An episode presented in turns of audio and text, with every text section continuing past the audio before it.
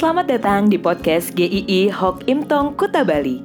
Penginjil Ray Reginaldi akan membagikan renungan harian singkat untuk membawa Anda mengenal dan menyembah Tuhan Yesus, bertumbuh dan menjadi murid Kristus, serta berdampak untuk banyak orang. Jika Anda merasa diberkati melalui renungan ini, silahkan bagikan podcast ini agar orang lain juga diberkati. Inilah renungan hari ini.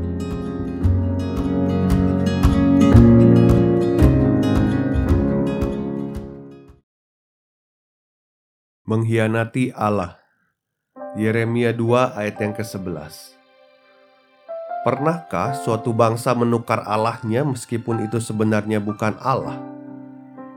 Tetapi umatku menukarkan kemuliaannya dengan apa yang tidak berguna. Air susu dibalas air tuba, kebaikan dibalas dengan kejahatan. Kira-kira pepatah seperti itulah yang menggambarkan sikap bangsa Israel kepada Tuhan. Kasih Tuhan yang begitu besar kepada mereka ternyata dibalas dengan sikap yang menyakiti hati Tuhan. Beberapa sikap yang bisa kita lihat.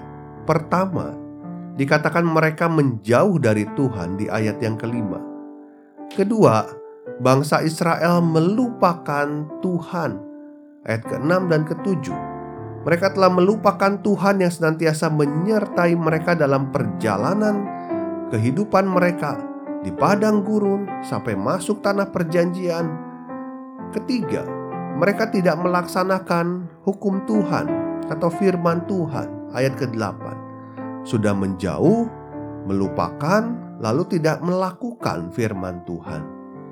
Bahkan kata-kata yang begitu berat, keras dikatakan oleh Allah Pernahkah suatu bangsa menukar Allahnya meskipun itu sebenarnya bukan Allah? Tetapi umatku menukarkan kemuliaannya dengan apa yang tidak berguna. Bahkan bangsa yang menyembah Allah yang sebenarnya bukan Allah bisa lebih setia daripada bangsa Israel yang menyembah Allah yang benar. Bangsa Israel benar-benar mengkhianati Allah Bahkan mereka tidak mau bertobat sekalipun mereka sudah diingatkan berulang kali. Nabi Yeremia harus berkhotbah dengan keras pada zaman itu. Karena bangsa Israel sudah keterlaluan.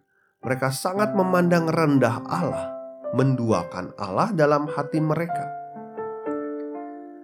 Tetapi Tuhan tidak pernah mengkhianati janjinya. Ketika dia berjanji, dia menepatinya. Dia tetap setia walaupun kita tidak setia. Tuhan Yesus tetap hadir ke dalam dunia meskipun manusia semakin lama semakin memberontak. Dia setia menepati janjinya, memberikan dirinya bukan membuang kita orang berdosa, tetapi menyelamatkannya.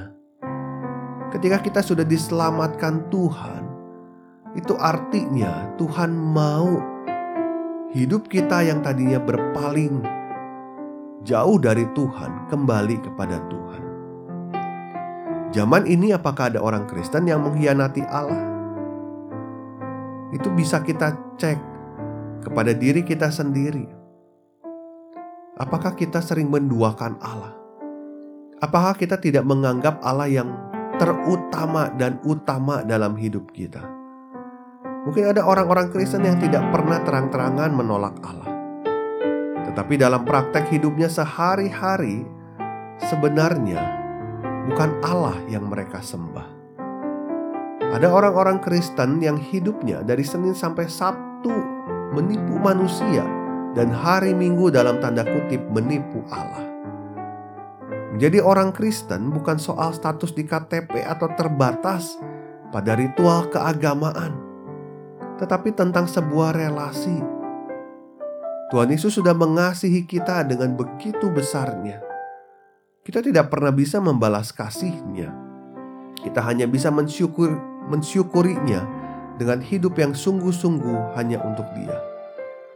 Ingat selalu, kalau hidup kita menjadikan hal-hal lain selain Allah lebih utama dalam hidup kita, lebih penting dan bahkan kita tidak rela untuk melepaskannya, kita sudah mengkhianati Dia yang telah mengasihi kita. Biarlah ketika Allah setia kepada kita, kita pun belajar setia kepada Allah. Tuhan memberkati.